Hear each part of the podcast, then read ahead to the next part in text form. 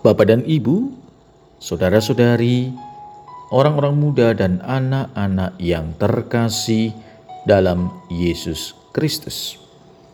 Selamat pagi, salam bahagia dan salam seroja untuk kita semua berkah dalam.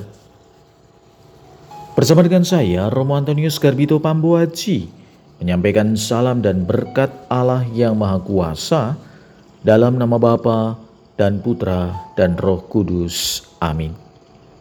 Hari ini Sabtu 27 Februari dalam Pekan Biasa Prapaskah pertama. Bacaan pertama dalam liturgi hari ini diambil dari kitab ulangan bab 26 ayat 16 sampai dengan 19. Bacaan Injil diambil dari Injil Matius bab 5 ayat 43 sampai dengan 48.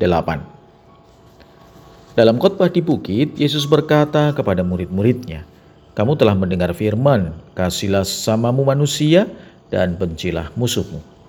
Tetapi aku berkata kepadamu, kasihlah musuh-musuhmu dan berdoalah bagi mereka yang menganiaya kamu. Karena dengan demikian kamu menjadi anak-anak Bapamu yang di sorga. Sebab ia membuat mataharinya terbit bagi orang yang jahat dan bagi orang yang baik pula. Hujan pun diturunkannya bagi orang yang benar dan juga orang yang tidak benar. Apabila kamu mengasihi orang yang mengasihi kamu, apakah upahmu? Bukankah pemungut cukai juga berbuat demikian? Dan apabila kamu hanya memberi salam kepada saudara-saudaramu saja, apakah lebihnya daripada perbuatan orang lain? Bukankah orang yang tidak mengenal Allah pun berbuat demikian? Karena itu berusahalah kamu sempurna sebagaimana Bapamu yang di sorga sempurna adanya. Demikianlah sabda Tuhan, terpujilah Kristus. Saudara-saudariku yang dikasih Tuhan, salah satu hal penting yang perlu kita wujudkan dalam masa prapaskah ini adalah membangun semangat tobat. Dan semangat tobat ini bukan hanya sekedar di bibir, tetapi juga harus diwujudkan dalam kehidupan kita. Dalam bacaan pertama kita mendapat gambaran bahwa Tuhan menghendaki supaya bangsa Israel setia dan dengan sepenuh hati, dengan segenap jiwa melakukan ketetapan dan peraturan-peraturan dari Allah. Artinya, apa yang menjadi kehendak Tuhan itu harus dilakukan dengan sebaik-baiknya dan sebenar-benarnya. Ini merupakan jalan untuk mencapai kesempurnaan hidup manusia.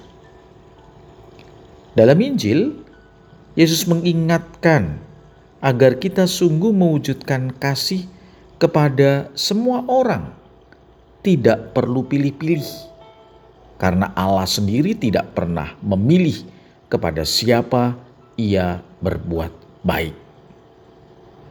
Dalam amanat perpisahan, Tuhan Yesus memberi perintah Kasihlah musuhmu dan berdoalah bagi mereka yang menganiaya kamu. Bukan persoalan mudah bagi kita, tetapi bukan tidak mungkin. Mengapa tidak mudah? Karena bagaimana kita bisa mewujudkan ini butuh bimbingan Tuhan. Mengapa tidak mungkin? Karena pasti mungkin. Karena Yesus akan senantiasa memenuhi janjinya untuk membimbing kita. Sebab Yesus mengatakan, haruslah kamu sempurna sama seperti Bapamu yang di surga, sempurna adanya. Maka dengan demikian, perbuatan kasih kita tanpa pilih-pilih berarti mengarahkan hidup kita kepada kesempurnaan. Yesus mengajarkan kepada kita hendaknya berbuat baik dan benar karena perbuatan baik saja belum tentu benar di hadapan Dia. Saat kita mengasihi sama, itu perbuatan baik. Namun jika kemudian kita membenci musuh kita, itu perbuatan yang tidak benar.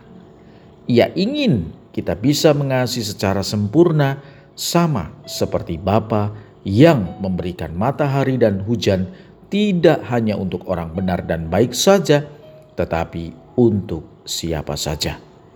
Bagaimana kita bisa mengampuni, bahkan mendoakan musuh? Kasih itu memaafkan, kasih itu mengampuni, kasih itu murah hati. Ingatlah bahwa kita pun juga berdosa di hadapan Tuhan, namun Ia senantiasa mengasihi kita. Ia senantiasa mengampuni, Ia memaafkan, Ia murah hati. Pantaskah kita membalas kasih Allah itu dengan membenci sesama? Marilah berdoa. Kasihmu Bapa bagai air yang menjukan hati kami. Semoga kasih itu dapat dirasakan oleh sesama kami. Berkat Allah yang Maha Kuasa, dalam nama Bapa dan Putra dan Roh Kudus. Amin.